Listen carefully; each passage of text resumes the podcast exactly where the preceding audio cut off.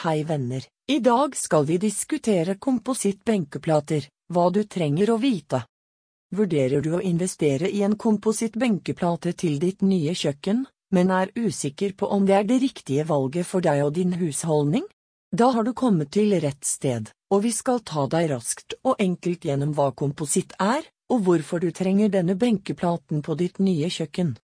Siden en komposittbenkeplate er laget av et svært robust materiale kan man være sikker på at den vil være veldig slitesterk. Kompositt består av hele 93% kvarts samt en liten del tilsatt glass og metall som øker hardheten og holdbarheten i materialet. Resterende ca 7% er bindemiddel.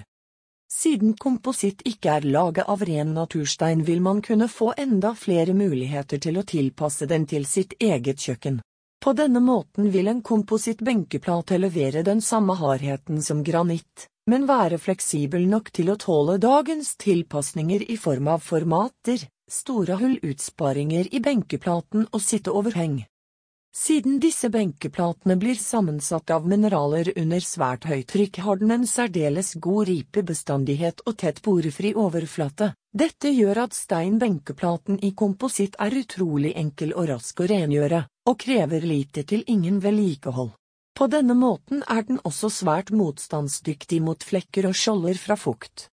Disse benkeplatene kan også bli levert i mange forskjellige farger og mønstre. På denne måten kan de ikke bare tilpasses ditt personlige kjøkken i form av fasong og tykkelse, men også i form av farge og mønster. Ønsker man eksempelvis en marmorisert benkeplate finnes det en rekke alternativ innenfor kompositt. Eksempelvis kan man velge farger som Calacata Grey, White Lagon eller Bianco Carrera. Det er også verdt å merke at selv om en kompositt benkeplate kan tilpasses til de fleste hjem, har de en begrensning de også.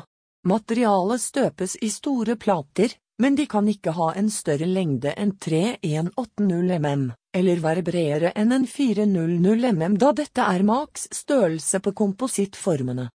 Takk for at dere hørte på.